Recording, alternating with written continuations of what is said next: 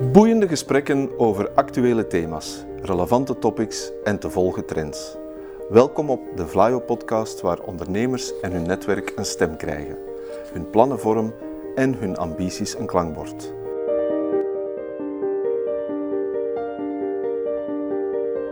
To the point waar het kan, dieper gravend waar het moet. Inspirerend, informerend, ondersteunend.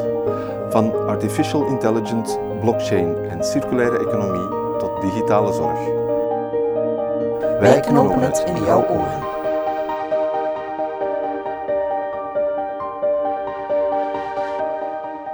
Dag beste luisteraar. Welkom bij deze Vlaio-podcast over technologie en werkbaar werk. Ik ben Tom Mondelaars, projectadviseur Industrie 4.0 bij Vlaio. Industrie 4.0 misschien even kort toelichten. Daarmee bedoelen we de omschakeling naar een, een datagedreven, geconnecteerde maakindustrie. Zowel op het niveau van de processen als de diensten en de producten die ontwikkeld worden. De afgelopen jaren hebben we een belangrijke verruiming gezien van dat begrip. Waar de focus in eerste instantie sterk lag op het uh, technologische aspect, is er de laatste jaren meer aandacht voor de menselijke factor, naast uiteraard ook duurzaamheid in de vorm van CO2-reductie en circulariteit.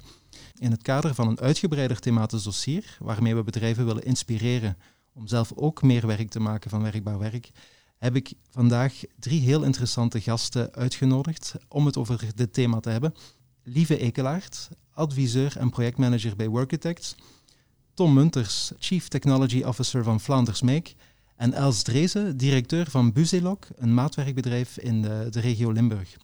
Lieve, om bij jou te beginnen. Je bent adviseur en projectmanager bij Workitects. Jullie helpen bedrijven op weg naar meer werkbaar werk. Dat is een van jullie kernactiviteiten. Inderdaad, wij zijn als Workitects een expertisecentrum op vlak van arbeidsorganisatie. Dus wij focussen vooral op de manier waarop het werk in organisaties wordt georganiseerd. En kijken daarbij vooral naar hoe kunnen we ervoor zorgen dat het, het werk werkbaarder wordt gemaakt, maar waarbij dat die organisaties ook ja, wendbaarder en slagkrachtiger worden.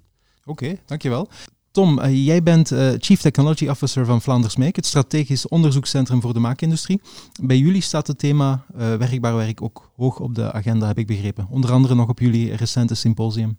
ja, dat klopt. wij zijn een strategisch onderzoekscentrum voor de maakindustrie en doen in die hoedanigheid natuurlijk ook heel veel onderzoek om die efficiëntie van die maakindustrie in Vlaanderen te verhogen, die strategische positie van die maakindustrie te versterken.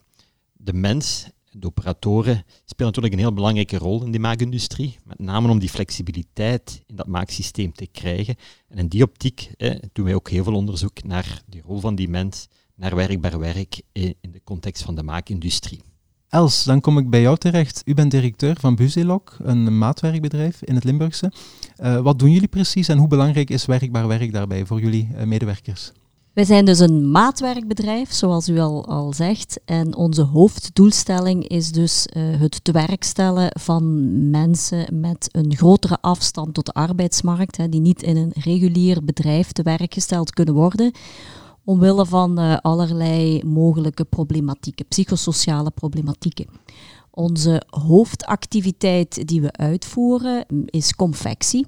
Dus wij confectioneren voornamelijk matrashoezen, bokspringbekledingen, ja, eigenlijk alles wat je in een slaapkamer kan vinden aan textiel. Maar uh, ja, we worden momenteel geconfronteerd met een uitdaging waarbij de medewerkers die we te werk stellen, die we toegeleid krijgen vanuit VDAB, steeds een zwakker profiel hebben, hè, die vaak ook niet kunnen stikken, niet kunnen naaien.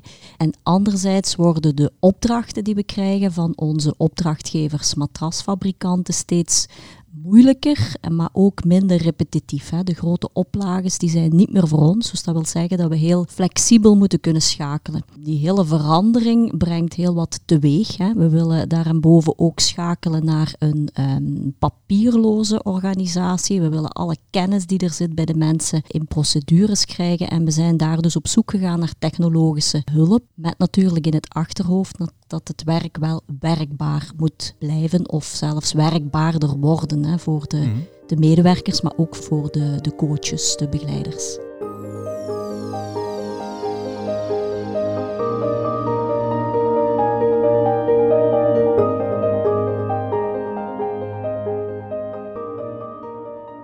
Goed, lieve, om bij jou te beginnen. Met Workitects helpen jullie organisaties om slagvaardiger te worden en meer werkbaar werk te realiseren. helemaal in de scope van deze podcast. Ten eerste, wat is werkbaar werk eigenlijk in essentie en welke elementen hebben een impact op de werkbaarheid van een job? Vanuit Workitect ja, definiëren we werkbaarheid als, of een werkbare job als een job die in balans is. Een job in balans is een, uh, een job waarbij dat er enerzijds je kijkt naar wat wordt er van medewerkers verwacht. We spreken dan over de taakeisen. En anderzijds, welke impact hebben medewerkers op die taakeisen, op, op die vraag in de job? We spreken dan over regelmogelijkheden, hulpbronnen. En we streven dus naar jobs die werkbaar zijn, waar dat die balans uh, er is. En dat kan op verschillende niveaus. Uh, op fysiek vlak, hoe kunnen we ervoor zorgen dat er enerzijds ja, dat die lichamelijke belasting gereduceerd kan worden, maar anderzijds ook welke bijvoorbeeld ergonomische hulpmiddelen zijn er om een evenwicht te vinden, een balans te vinden ten opzichte van die belasting. Dat kan op emotioneel vlak. Emotioneel vlak bedoel ik dan mensen in relatie tot collega's, tot klanten, leerlingen, patiënten. Zorgt vaak voor uh, emotionele belasting bij medewerkers. En dan is de vraag van welke regelmogelijkheden, welke hulpbronnen hebben medewerkers daar dan? En kijk dan bijvoorbeeld naar de steun die mensen ervaren van collega's, van leidinggevenden. En ten derde gaat het ook over cognitieve aspecten, dus, dus als het gaat over informatieverwerking, nieuwe kennis die nodig is in een job, planningsvereisten, eh, beslissingen die op vlak van planning moeten gemaakt worden. Wat zijn op dat vlak taakeisen, de eisen in het werk? En anderzijds, welke impact, welke autonomie hebben medewerkers op dat vlak? Dus vanuit Worketics kijken we altijd naar, naar die balans.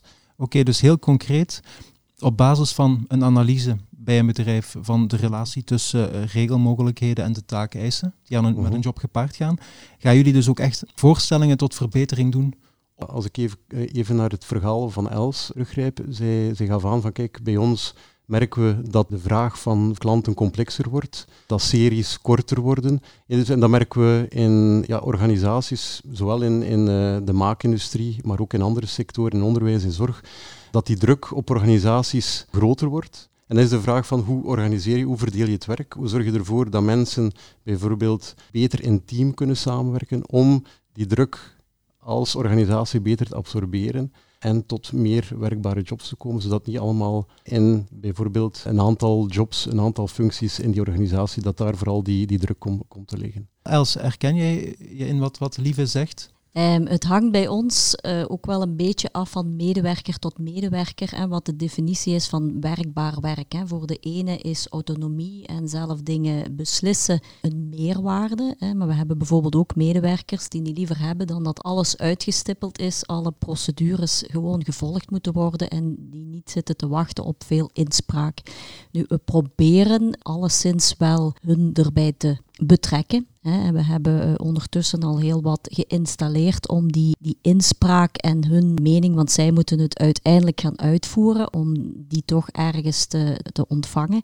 Dus we hebben daar bijvoorbeeld um, teammeetings voor in het leven geroepen. We hebben verbeterkranten opgestart, hè, waarin dat mensen vanuit hun taak eigenlijk gaan beter punten aanbrengen die dan in team worden besproken. Dus daar hebben we ook bijvoorbeeld een externe partner voor ingeschakeld om dat te doen. Maar ook daar merk je dat, dat dus een, een deel van onze doelgroep, die, die zijn daar helemaal in mee. Anderen, ja, die vinden dat helemaal niet leuk. Dus het is ook soms, vind ik, wel een beetje persoonlijk. En niet iedereen zit er altijd op te wachten. Oké, het belang van maatwerk komt duidelijk naar voren. En wat ik ook interessant vind, vandaag gaat het echt over de relatie technologie en werkbaar werk. Maar ik, ik merk nu al, vanuit het verhaal van Lieve, vanuit jouw verhaal ook Els, technologie is maar één aspect. En vaak gaat het daar zelfs nog niet eens over. Je kan ook al richting meer werkbaar werk gaan zonder technologie. Zeker. Ja, het gaat over jobs op maat. Mhm. Eh, en daar moet je dus ook rekening houden met, met de, ja, de capaciteit, de competenties, talenten van, van medewerkers.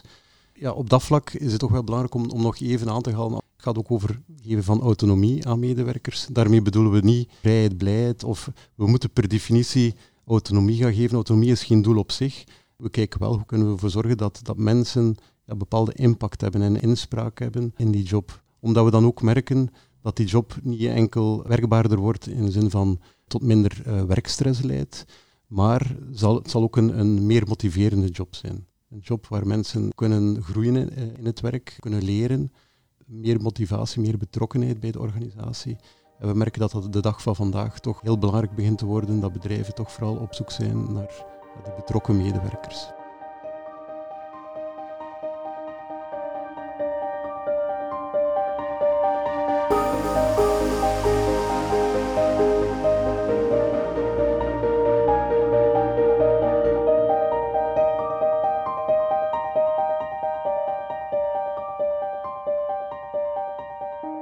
Motivatie, betrokkenheid en aandacht voor fysieke, emotionele en cognitieve aspecten van, van personeel. Nu, ik maak toch graag de, de brug nu naar het technologische aspect. Ik kijk naar, naar Tom Munters hier aan tafel, uh, Chief Technology Officer van Vlaanders Make. Tom, jij was ook nauw betrokken eh, bij de totstandkoming vorig jaar van de nieuwe Industrie 4.0 proeftuin Technologie voor Werkbaar Werk. Wat heb jij eigenlijk de voorbije jaren geleerd over de relatie technologie-werkbaar werk? Wat zijn daar voor jou de, de inzichten die tot nog toe komen bovendrijven? Als je kijkt naar werkbaar werk, zijn er een aantal typische jobkenmerken die werk meer of minder werkbaar maken. Het fysieke is al benoemd, het cognitieve is al benoemd, ook die taakvariatie, die autonomie, dat planning. En ik denk eigenlijk op die drie facetten dat technologie een heel belangrijke ondersteuning, een heel belangrijke continuering kan zijn van misschien middelen die al in bedrijf aanwezig zijn, die verder kunnen uitgewerkt worden, verder verfijnd worden. Ik denk dat dat wel hè, de belangrijkste les is. Eigenlijk moet je als bedrijf ook een beetje een traject hebben. Je zou eigenlijk ook een soort van strategie moeten hebben rond werkbaar werk. Als je bijvoorbeeld kijkt naar het stukje rond fysieke arbeidsomstandigheden, je kan denken aan assessments. Hè, van bestaan al heel klassiek bestaan assessment voor ergonomische assessments te doen van bepaalde jobs, van bepaalde taken. Vandaag de dag bestaan er ook camerasystemen die eigenlijk in real-time dat soort assessments doen, waardoor je eigenlijk in real-time een bijsturing kan, kunt krijgen van mensen, hoe dat zij bewegen, hoe dat een arbeidspost, een arbeidstaak ergonomisch belastend is. Dat geeft een verdieping van de kennis, waar dat technologie dan eigenlijk een bijdrage geeft aan die verdieping van die kennis en op die manier eigenlijk ook tot meer ergonomie kan leiden en op die manier ook meer werkbaar bij werk kijken.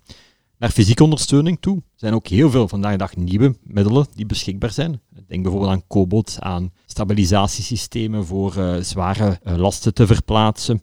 Exoskeletons bijvoorbeeld, hè, dus die ook in passieve, actieve vormen ontstaan. Dus ook daar ontstaat eigenlijk een continuum van verschillende hulpmiddelen die kunnen bijdragen aan het fysieke werkbaarder te maken. En dan, en dat denk ik dat ook niet onbelangrijk is, als je natuurlijk meer kennis hebt, meer inzicht als bedrijf erin, kan je dat eigenlijk ook gaan gebruiken om je nieuwe producten, je nieuwe arbeidsprocessen beter te gaan organiseren, te gaan plannen. Eigenlijk, typisch werken wij met digital twins, zoals we dat noemen. Dan ga je eigenlijk een soort van digitale omgeving creëren waar dat je een nieuwe arbeidstaak kunt gaan inplannen.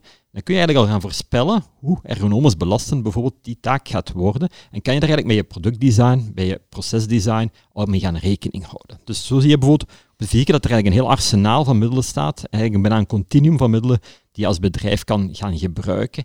En die eigenlijk ook meer of minder digitalisatie van je bedrijf zal vragen.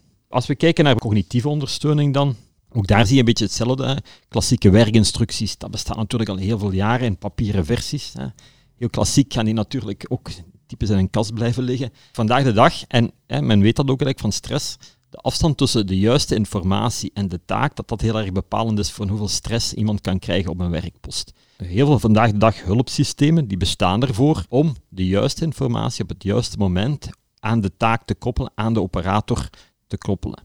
Je kan dan ook denken aan simpele informatieborden, digitale displays, Stapje verder, augmented reality, waar je eigenlijk projecties kunt gaan krijgen op je werktafel in een eventueel HoloLenzen. Of zelfs hele VR-achtige omgevingen, waar je eigenlijk ook de operator zou kunnen laten trainen in, zijn, in de nieuwe taken die hij moet gaan doen. En op die manier kan je eigenlijk een grotere complexiteit van taken ook weer gaan uitvoeren aan die werkpost. Belangrijk daarbij, we zien daar ook wel een beetje een trend, dat wij meer en meer ook dat soort systemen als bidirectioneel gaan zien. Dus dat het niet alleen zaak is van informatie bij die operator te krijgen, maar dat die ook die operator een stukje input kan geven, een stukje kwaliteitsinput kan geven bijvoorbeeld, naar, het hele, uh, naar de werkinstructie zelf toe, naar het proces toe, naar het product toe, om op die manier ook te leiden tot bijvoorbeeld betere producten. Oké Tom, dankjewel. Um, alvast een heel mooi overzicht van, van de technologische stand van zaken, wat er allemaal mogelijk is. De proeftuin waar ik het over had, een van de uitgangspunten daar is ook echt gaan demonstreren aan bedrijven in uiteenlopende sectoren wat er allemaal kan op het vlak van technologische ondersteuning zowel fysiek als cognitief. Er zijn ook al een aantal demos gerealiseerd en die ook echt al, al getoond worden op verschillende events. Jullie zijn daar ook volop mee bezig uh, met Flanders Make. Wat is eigenlijk de reactie van bedrijven? Zijn ze al op de hoogte of, of gaat er ineens uh, ja, toch een nieuwe wereld voor hen open? En, en hoe reageren ze erop als ze zien wat er eigenlijk allemaal al kan? Ik denk onder andere aan een mooie demo die jullie, die jullie al hebben rond ergonomie monitoring. Eigenlijk heel positief. Dus bedrijven die zijn niet altijd bekend met de nieuwe mogelijkheden die daar zijn. Je ziet ook wel, en dat is misschien ook wel een belangrijk punt om aan te halen, dat je eigenlijk dat soort gebruik van technologie altijd moet zien in die arbeidsrelatie. Je ziet ook wel bedrijven, als je gaat werken met camerasystemen, sommige bedrijven ga je eerder een gevoel hebben van oei, er is extra controle, wat dan eerder naar een negatieve emoties gaat leiden. Als je natuurlijk een goed begeleidingstraject doet en goed eigenlijk die acceptatie mee in het proces gaat inbouwen, dan zie je eigenlijk bedrijven daar heel, heel positief op, uh, op reageren. Je ziet ook bedrijven waar bijvoorbeeld de nood aan dat soort upskilling, reskilling en mensen continu meer complexere taken te laten uitvoeren, bijvoorbeeld de maatwerkbedrijven, dan zie je eigenlijk dat een hele grote acceptatie typisch daar aanwezig is natuurlijk je raakt daar ook aan, aan uh, acceptatie op de werkvloer. Dat gaat natuurlijk breder dan werkbaar werk op zich. Dat is heel het, het, aspect aandacht voor menselijk kapitaal bij het implementeren van, van nieuwe technologieën. Uh, daarmee komen we ook bij een hele reeks andere projecten die we met, met ESF-steun onder andere hebben opgezet recent. En waarbij we eigenlijk voor een aantal technologieën begeleidingstrajecten willen ontwikkelen met aandacht voor het menselijk kapitaal. en jullie zijn van het Workitects, lieve, ook betrokken. Wat, wat kan je daar al over vertellen op dit moment?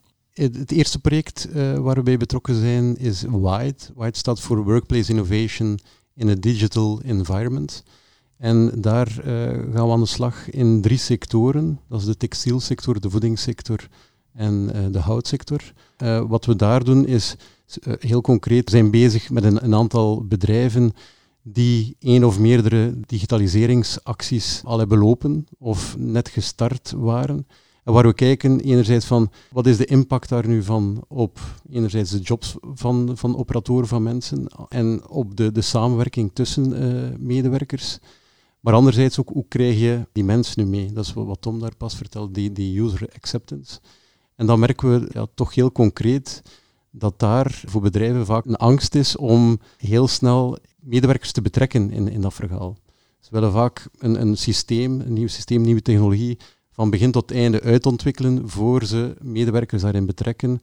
Uit schrik bijvoorbeeld om reacties te krijgen op de, de waarom-vraag. En, en daar ook stimuleren we die bedrijven om eerst en vooral duidelijk te maken van waarom willen we nu bepaalde nieuwe technologie gaan implementeren. Wat is het doel ervan? En wat, wat zal dat voor, voor u en uw job betekenen? Het is pas als, als mensen ook zien waarom het, het zou gebeuren en wat het voor hen heel concreet betekent, dat ze daar ook zelf in zullen meegaan en in, in zullen meewerken.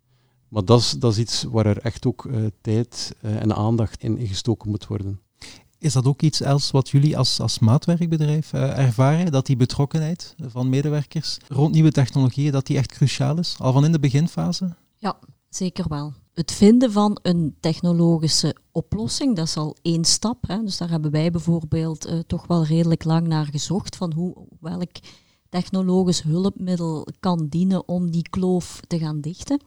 Dus dan zijn we bij digitale werkinstructies gekomen. Hè. Een dergelijk platform kan, kan ons helpen om die kloof uh, te dichten. Maar dan moet je op zoek gaan naar een bepaald systeem wat ook past binnen uw organisatie en ook binnen uw, uw activiteit. En als je dat eenmaal gevonden hebt, ja, dan komt nog de implementatie en inderdaad uw, uw, uw mensen meekrijgen. En met onze doelgroep, die digitaal vaak nog niet zo erg onderlegd zijn, is, is dat nog moeilijker. Hè? Die zijn vaak heel, heel wantrouwig. Hè? Om een voorbeeld te geven, we hebben momenteel aan iedere stikmachine een tablet uh, geïnstalleerd. Daar zijn er dus sommigen die een plakkertje geplakt hebben op het camerabolletje aan de voorzijde van de tablet, omdat ze dus wantrouwig waren dat wij hun dus constant via die tablet in de gaten zouden kunnen houden. Uh, dus dat zijn allemaal dingen waar je ja, vaak ook niet bij stilstaat, maar wat wel heel belangrijk is om, om daar uh, hun zeker goed over te informeren en bij te betrekken. Momenteel is er een, een, hebben we een project lopende. Hè. We hebben ook uh, subsidies ontvangen vanuit de Vlaamse overheid in dat hele uh, digitaliserings- en, en het opzetten van die digitale werkinstructies. Dus we doen dat in samenwerking met Flanders Make en met Manual.to. Dat is het platform uh, wat wij gebruiken om die digitale werkinstructies te maken. En daar zijn eigenlijk twee grote items die we willen onderzoeken. Het eerste is, wat moet de inhoud zijn van die digitale werkinstructie?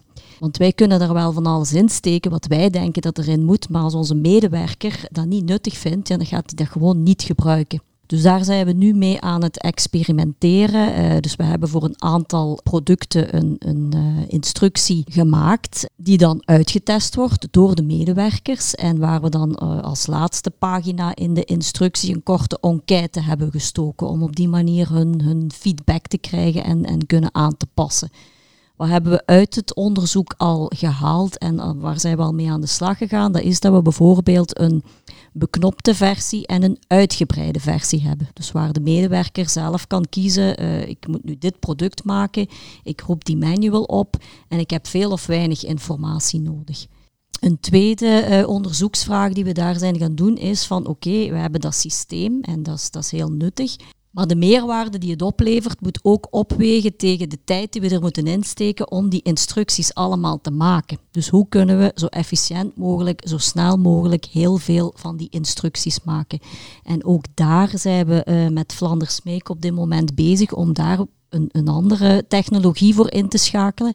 Uh, dus met smart glasses, hè, dus dat de persoon die iets in elkaar stikt, al een smart glasses uh, item, hè, de Iri, stick is het denk ik, die je dus gelijktijdig eigenlijk filmt dan dat die aan het, uh, aan het stikken is. Ik denk dat wel een heel belangrijke opmerking is, dat soort platformen, dat soort werkinstructieplatformen, om die investering op de juiste manier te laten renderen, moet dat eigenlijk ook een stukje ingepast zijn in een globale digitale strategie. Hè. En er zijn heel veel hulpmiddelen om bijvoorbeeld die kost van dat soort systemen ook laag te houden. Bijvoorbeeld dat men automatisch werkinstructies gaat genereren die dan niet noodzakelijkerwijs door iemand van, met een uh, zeer hoog engineering level moet worden gedaan, maar dat dat kan vanuit voorbeelden, dat dat kan van rechtstreeks vanuit CAD-data bijvoorbeeld. Dus er zijn heel veel technologieën die niet alleen die werkinstructie as such betaalbaar maken, maar die eigenlijk het hele systeem en het onderhoud ervan ook uh, betaalbaar maken. En ik denk dat dat wel een heel belangrijke evolutie is. En dat moet eigenlijk moeten kaderen een totale digitalisatiestrategie van een bedrijf eigenlijk. Oké, dus ik hoor al een, totale digitaliseringsstrategie. Liefst ook een strategie op het vlak van werkbaar werk.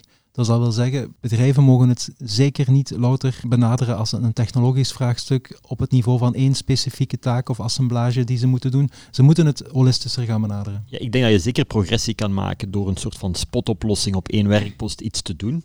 Maar dat gaat natuurlijk een zeer beperkte bijdrage geven. Ik denk als je echt een werkbaar werkplan zou hebben, een werkbaar werkstrategie, dat dat kunt kaderen in een totaal beleid van, van je bedrijf, dat je dan eigenlijk de grote benefits ook van uh, in de toekomst kunt gaan uh, stellen eigenlijk. Hebben jullie er inzicht op, misschien jij nog het best lieve, in hoeverre dat dat in de praktijk al bij bedrijven aan de orde is, om op dat niveau met die transformatie bezig te zijn? Toch nog vaak te weinig. En, en daar ook stimuleren we, als we met, met bedrijven aan de slag gaan, is een van de zaken waar we mee starten, is vertrekken vanuit de visie van, van die organisatie. En, en stimuleren om naast die strategie, met dan ook het luik rond, rond digitalisering, ook te kijken naar wat is jullie, vanuit jullie, jullie waarde, wat, wat is jullie mensbeeld, hoe kijken jullie nu naar jullie medewerkers, in welke mate willen jullie medewerkers betrekken, wat voor type jobs willen jullie creëren. Ja, vaak zien we dat, dat bedrijven daar nog niet hebben bij stilgestaan. Maar dat is wel een hele belangrijke om dat mee te nemen in, in zo'n traject. Want vroeg of laat komen die, die vragen toch. Uh, aansluitend op, op wat Els en Tom zeiden, nog een, een concreet voorbeeld. Uh, gisteren was ik een uh, maagbedrijf waar men van plan is om een nieuw ERP-systeem te implementeren, maar waarbij men ook merkt van ja, de operatoren die staan er niet voor te springen. Er zal heel wat moeite zijn om bijvoorbeeld een aantal registraties, bijvoorbeeld op vlak van kwaliteit, te laten doen. En daar ook zijn we met, met dat bedrijf in, in gesprek gegaan om, om te kijken van, man, die, die operatoren doen nu maar één uh, stuk van, van een, een, proces, een, een procesdeel, uh, die staan aan één werkpost. Ze hebben eigenlijk totaal geen zicht op welk product ze maken, waar ze toe bijdragen. Ja, als ze, zolang ze dat ook niet, niet zien, is het ook heel moeilijk om hen te gaan motiveren om rond kwaliteit uh, mee te gaan nadenken en rond kwaliteitszaken te gaan registreren. Dus op dat vlak ook is het kwestie van, eh, van medewerkers mee te nemen en te kijken van hoe kunnen, kunnen we hen ook uh, zicht laten krijgen op geen waar ze uiteindelijk toe, toe, bijdragen. En pas op die manier zal men betrokken worden en ook ja, sneller meestappen in, in bepaalde technologische en andere innovaties.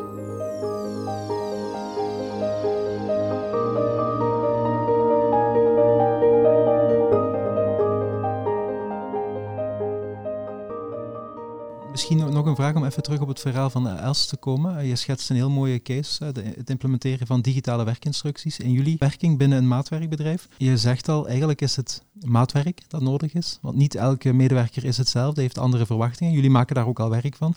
Hoe schat jij in dat, uh, dat jullie verhaal ook gelijkenissen gaat vertonen met reguliere bedrijven? We zitten uiteraard met een andere doelgroep. Hè. Dus de sterkste van onze doelgroep die is momenteel al te werk gesteld in reguliere bedrijven omwille van de Ja, ik denk dat zij inderdaad ook tegen hetzelfde aanbotsen. Hè, want uh, het is niet de, het competentieniveau dat bepaalt hoeveel instructies je nodig hebt. Het kan ook zijn als ik een heel nieuw product moet maken, ik maak dat voor de eerste keer, ja, dan heb ik een heel uitgebreide, gedetailleerde instructie nodig. Maar heb ik dat product al eerder gemaakt? Ik heb dat gisteren gemaakt en ik moet dat vandaag opnieuw maken. En ik denk, ik weet niet meer precies waar een etiket moet komen of waar moet ik met een rits beginnen ja, dan kan ik de, de beknopte versie gaan raadplegen. Um, dus ik denk dat dat gelijkaardig is bij reguliere uh, tewerkstelling. Ook daar zal je verschillende competentiesniveau en verschillende ervaringsniveaus hebben. Kan dat wel bevestigen. Hè. Dus dat, dus dat soort skill-based denken, dat heeft ook wel in de reguliere bedrijven zeker zijn ingang gevonden. ook wat Els terecht zegt, hè, dat heeft niet alleen te maken met de competentie van een medewerker, dat heeft ook te maken met er is een nieuw product of een meer product sinds lange tijd wordt opnieuw gemaakt bijvoorbeeld. Of bijvoorbeeld iemand heeft meer moeite met bepaalde stappen. Die kan bijvoorbeeld uh, actief gecoacht worden om bepaalde stappen op de juiste manier uit te voeren. Of bijvoorbeeld eh, toegeleverde producten niet van de juiste kwaliteit, waardoor dat er meer aandacht moet zijn voor een bepaalde handeling. Dat soort flexibele systemen dat uh, vindt meer en meer ingang, maar waar dat natuurlijk eh, het werkinstructiesysteem ook een, een, integraal deel moet zijn van een, eh, van een ERP-systeem, van een systeem dat eigenlijk ook dat soort, al soort informatie moet laten uh, samenvloeien. En dat is ook typisch iets waar Flanders Meek veel onderzoek naar doet, van wat voor architectuur moet je daar nu eigenlijk in die bedrijfssystemen kunnen loslaten om dat soort capabilities te kunnen enablen. En dan heb je, zie je eigenlijk dat werkinstructies en kwaliteit ook voor een groot stuk samenlopen. Eigenlijk. En, en daardoor er een grotere winst te maken is op dat soort systemen.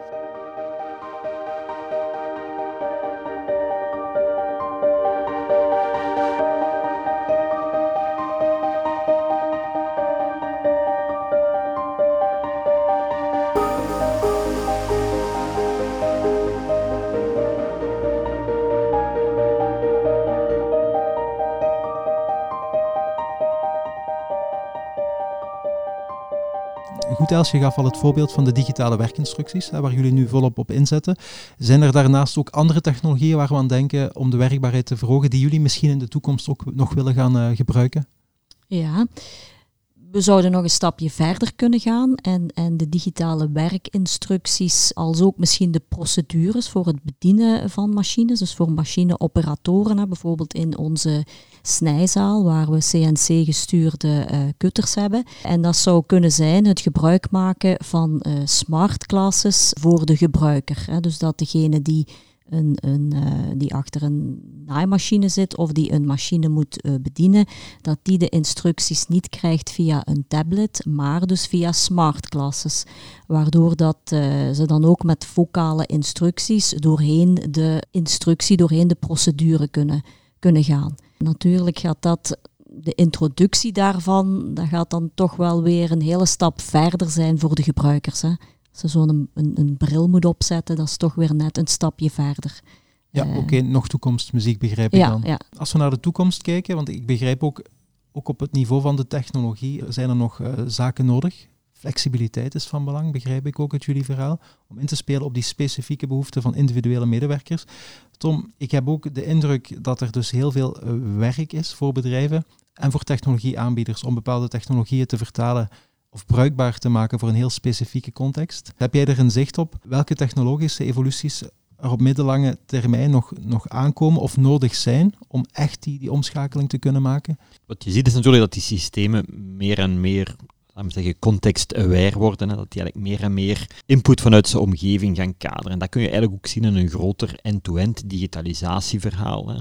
Als je dat helemaal doordenkt, zou je al liefst al willen weten van, ik had straks het voorbeeld gegeven van een supply chain, waar dat een bepaald onderdeel misschien niet de juiste kwaliteit heeft. Dat soort informatie, dat weet je eigenlijk al op het moment dat dat product vertrekt bij jouw leverancier bijvoorbeeld. Als je natuurlijk een hele end-to-end digitalisatie hebt, zou je dat soort inputs al gaan kunnen meenemen Dus we zien dat die context awareness, dat dat eigenlijk een heel belangrijke enabler is.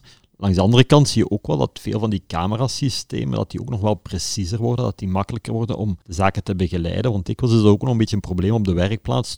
Een camerasysteem ja, is, heeft niet altijd de juiste resolutie. Hè. Soms moet je inzoomen, uitzoomen, soms moet je een breed veld zien. In mobiele werkposten is dat lastig, dus daar zie je ook wel heel veel evolutie op, die dat eigenlijk de toepassingen van dat soort systemen in verschillende types van werkposten ook makkelijker maakt. Dus ik, ik zie daar ook wel een, sterke vooruitgang.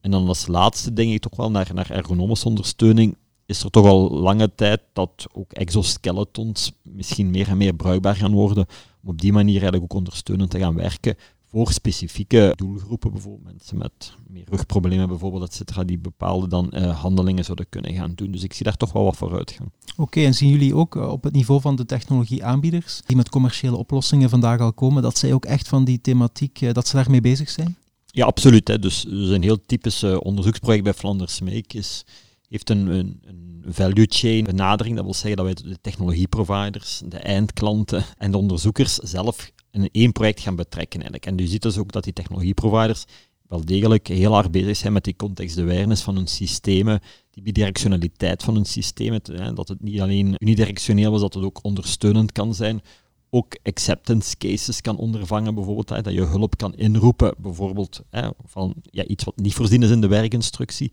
En ik denk bijvoorbeeld een heel interessant gebied daar is bijvoorbeeld ook desassemblage, bijvoorbeeld, waar je, waar naar een context gaat gaan waar nog meer variabiliteit in is, waar nog meer onzekerheid eigenlijk in is, waar de onderdelen ook dermate niet altijd zo kwaliteitsvol zijn. En die toenemende mate van onzekerheid zorgt natuurlijk ook dat je nog meer flexibele systeem moet hebben. En daar, dat is zeker een trend. Je ziet eigenlijk dat de technologieproviders, samen met onderzoeksinstellingen, samen met, met eindgebruikers, zeker die weg in de inslaan zijn. Ja. Ja, misschien nog aansluitend. Eh, iets wat we toch ook heel sterk zien, is dat ook craftsmanship uh, meer en meer gedigitaliseerd wordt. En ik kan bijvoorbeeld een, voorbeeld geven van Daikin bijvoorbeeld, waar die uh, rond het breseren van die bepaalde koperpijpen eigenlijk die skills, die typische bewegingen die daarvoor nodig zitten, probeert te digitaliseren. En wat een vrij specifieke beweging is, waar veel, veel kennis en vakmanschap vereist om op die manier te gaan eigenlijk gebruiken, hergebruiken, om bijvoorbeeld nieuwe mensen te trainen, mensen die misschien binnenkomen met minder ervaring, te kunnen gaan trainen eigenlijk. Dus dat is, dat is toch een voorbeeld dat, dat digitalisatie ook een heel belangrijke rol kan spelen in ja, het aantrekken van talent, het upskillen van talent. Een ander voorbeeldje, denk ik, wat ook nog wel belangrijk is, meer iets voor de toekomst natuurlijk, is van hoe kun je natuurlijk het engagement, de motivatie van mensen hoog houden, kun je eigenlijk taken interessant houden en daar zie ik persoonlijk ook nog wel een belangrijke input vanuit de gamification-wereld bijvoorbeeld. Hoe kun je ervoor zorgen dat mensen op die manier eigenlijk een heel ja, engaged zijn in hun taak en op die manier die eigenlijk ook eh, op, een, op een goede manier blijven uitvoeren.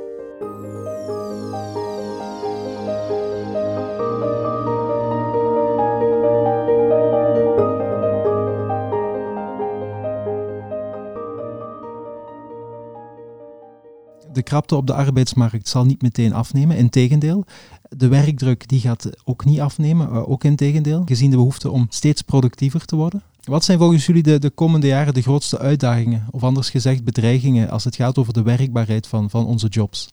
Ik denk die arbeidskrapte. Dat dan, doordat je heel moeilijk mensen kan vinden, uh, ga je vaak werk met minder mensen hetzelfde werk moeten doen, uh, waardoor dat misschien mensen door de werkdruk gaan, gaan uitvallen en je eigenlijk je team nog kleiner wordt. Hè, dat je een beetje in een, in, een, in een visieuze cirkel gaat geraken. Als ik uh, ja, naar onze situatie kijk, uh, we hebben momenteel vijf, zes vacatures openstaan waar wij gewoon geen toeleiding op krijgen. Dus die we niet ingevuld krijgen, terwijl de opdrachten, op zich hebben we die meer dan voldoende. En over welk type profielen gaat het dan? Om een voorbeeld te geven uit jullie praktijk? Ik moet zeggen dat we de competenties die we vragen al meerdere malen hebben uh, verminderd. Uh, tot bijna beperkt tot het gemotiveerd zijn, tot het willen werken. Uh, de opleiding die willen we zelf geven. we hebben ook een aantal jaren geleden de Buzelok Academy opgestart, hè, omdat er eigenlijk in onze contraien de opleiding confectiesnit en naad die bestaat niet meer. Dus ja, als we deze activiteit willen blijven doen, dan moeten we zelf inzetten op die opleiding. Dus eigenlijk vragen we gewoon mensen die het willen leren en, en die aan de slag willen. Ja. en en het, verhaal dat, dat Els nu schetst, dat uh, horen wij ook ja, dagelijks. En niet enkel in uh, de productiesector, maar ook in, in andere sectoren. Dus uh, inderdaad, bedrijven zijn al blij als ze gemotiveerde mensen vinden. En vandaar ook een van de uitdagingen voor ons lijkt nog, nog altijd van hoe kan je ervoor zorgen dat, dat je organisaties creëert waar dat je uiteindelijk ja, jobs zoveel mogelijk op maat kan maken van, van mensen, waarbij je die mensen kan, kan ondersteunen en waarbij dat je ook inzet op, op die, die sterktes van, van mensen. Uiteindelijk zullen we dat potentieel van iedereen zoveel mogelijk moeten, moeten benutten. En daar kan technologie zeker helpen om ja, medewerkers ook, ook in, in te, te ondersteunen. Maar um, ja, dat betekent bijvoorbeeld dat bedrijven, organisaties meer en meer los zullen moeten komen van ja, de vaste functieclassificatiesystemen en dergelijke. Het gaat niet enkel om het gaan herinrichten van functies, van jobs, maar alles wat erbij bij komt kijken. De, de, de, de digitale systemen, de HR-systemen, infrastructuur enzovoort. Ik onthoud heel wat mogelijk, maar ook heel veel werk aan de winkel. Goed, daarmee zijn we aan het einde gekomen van deze podcast. Uh, ik dank mijn gasten Els Drezen, Tom Munters en Lieve Ekelaert. Wil jij nog meer weten over het thema werkbaar werk en in het bijzonder het belang van technologische innovatie hierbij? Bekijk dan het volledige dossier eh, via vlaio.be dossiers. Heb je ondertussen specifieke vragen rond een van de door Vlaio ondersteunde projecten, mag je ook altijd mailen naar mij via tom.mondelaars.vlaio.be. Heel erg bedankt voor het luisteren en tot ziens.